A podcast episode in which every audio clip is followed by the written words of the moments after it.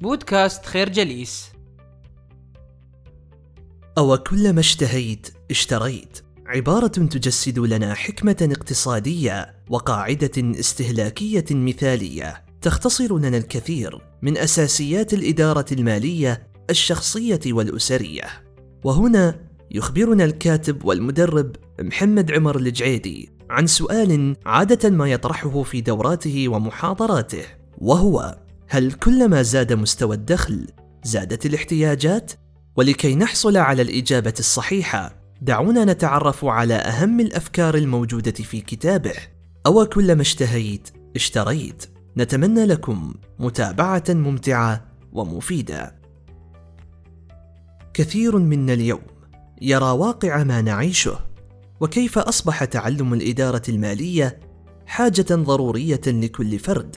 بعدما كثرت الالتزامات وزادت كمية الإعلانات والدعايات فتكاد لا تفرق بين ما تحتاجه فعلا وبين ما ترغب باقتنائه من باب تحسين حياتك ورفع جودتها. ففي ظل القدرة الشرائية العالية وتوافر كل شيء حولنا أصبحنا نعتقد أن كل ما نريده هو حاجة ملحة. ولكن ما هو الحل؟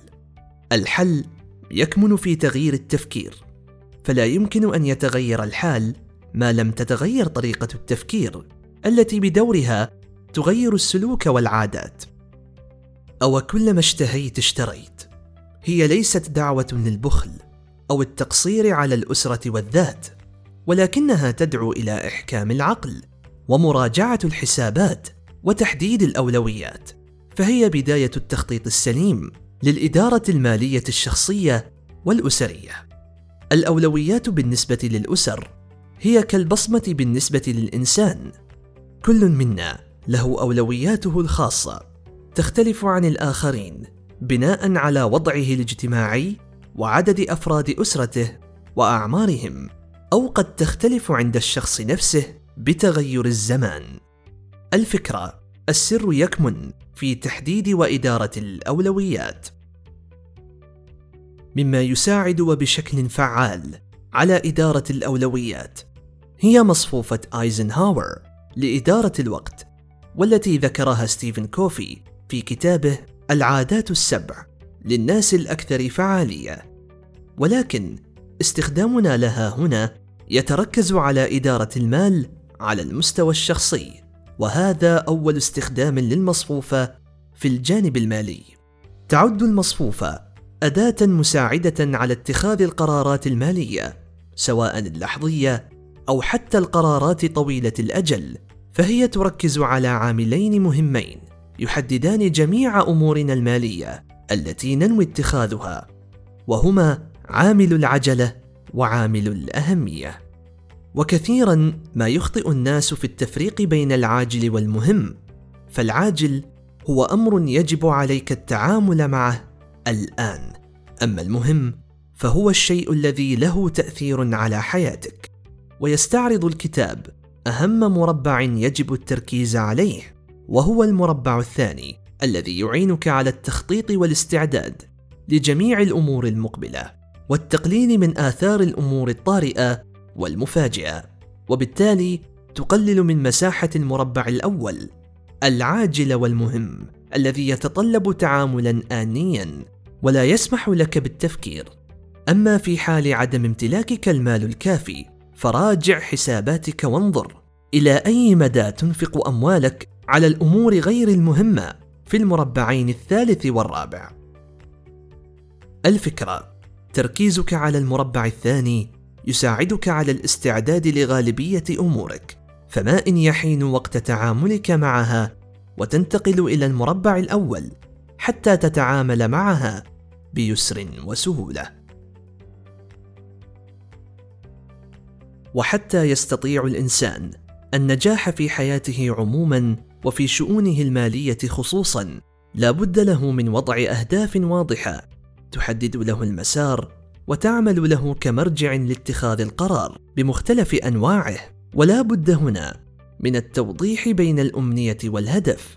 فالأمنية هي مجرد الرغبة في الحصول على شيء ولكن الهدف هو العمل للحصول على ذلك الشيء.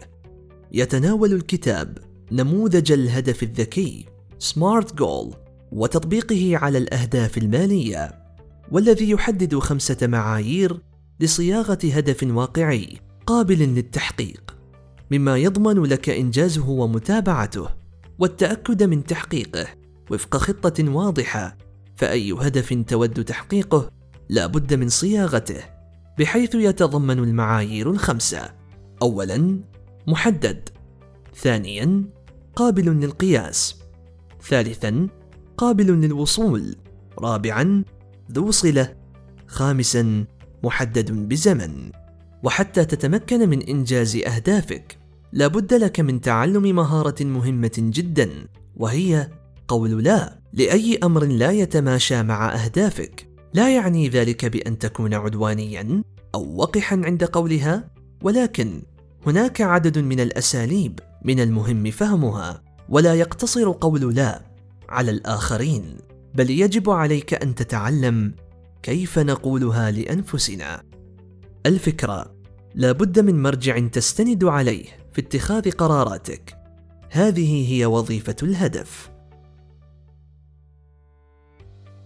تعلم المهارات المالية دائما ما يبدأ من الأسرة فللأسرة دور عظيم في تربية النشء بالممارسة الفعلية لواقع الحياة اليومية ومواجهة التحديات المستجدة على مدار العام. ولكننا اليوم نجد الكثير من الأسر تعيش واقعا صعبا في كل شهر. فتجد الأب على سبيل المثال يحاول التوفير من جهة ويصطدم باحتياجات الزوجة من جهة ورغبات الأبناء من جهة أخرى فلا يستطيع التوفيق بين هذا وذاك. ومما يزيد الطين بلة أن تجده يلجأ إلى الاستدانة عند أول مشكلة مالية تواجهه.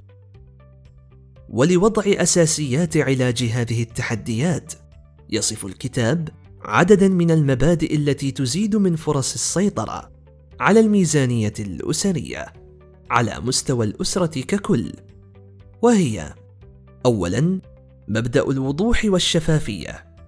ثانيا مبدأ الحوار. ثالثا مبدأ القدوة الحسنة. هذه المبادئ الثلاث تساعد الأسرة على الانسجام وفق رؤية واحدة. وتعين على رفع جودة الحياة والحد من الطوارئ والأزمات وتنشئ جيلا واعيا يتحمل المسؤولية في وقت مبكر. فكيف تتوقع حال طفل ترعرع في كنف أسرة تعتمد على الديون في تلبية رغباتها؟ الفكرة بصلاح حال الأسرة تصلح المجتمعات وينشأ لنا جيل مثقف من الناحية المالية يربي أجيال قادمة. إضافة إلى كل ما سبق، يتناول الكتاب أيضا عددا من الأفكار والنصائح المباشرة التي تعين على الارتقاء بالوضع المالي، وعلى الرغم من بساطتها، إلا أن لها أثرا كبيرا على الميزانية الشخصية والأسرية. نشكركم على حسن المتابعة. تابعونا على مواقع التواصل الاجتماعي لخير جليس.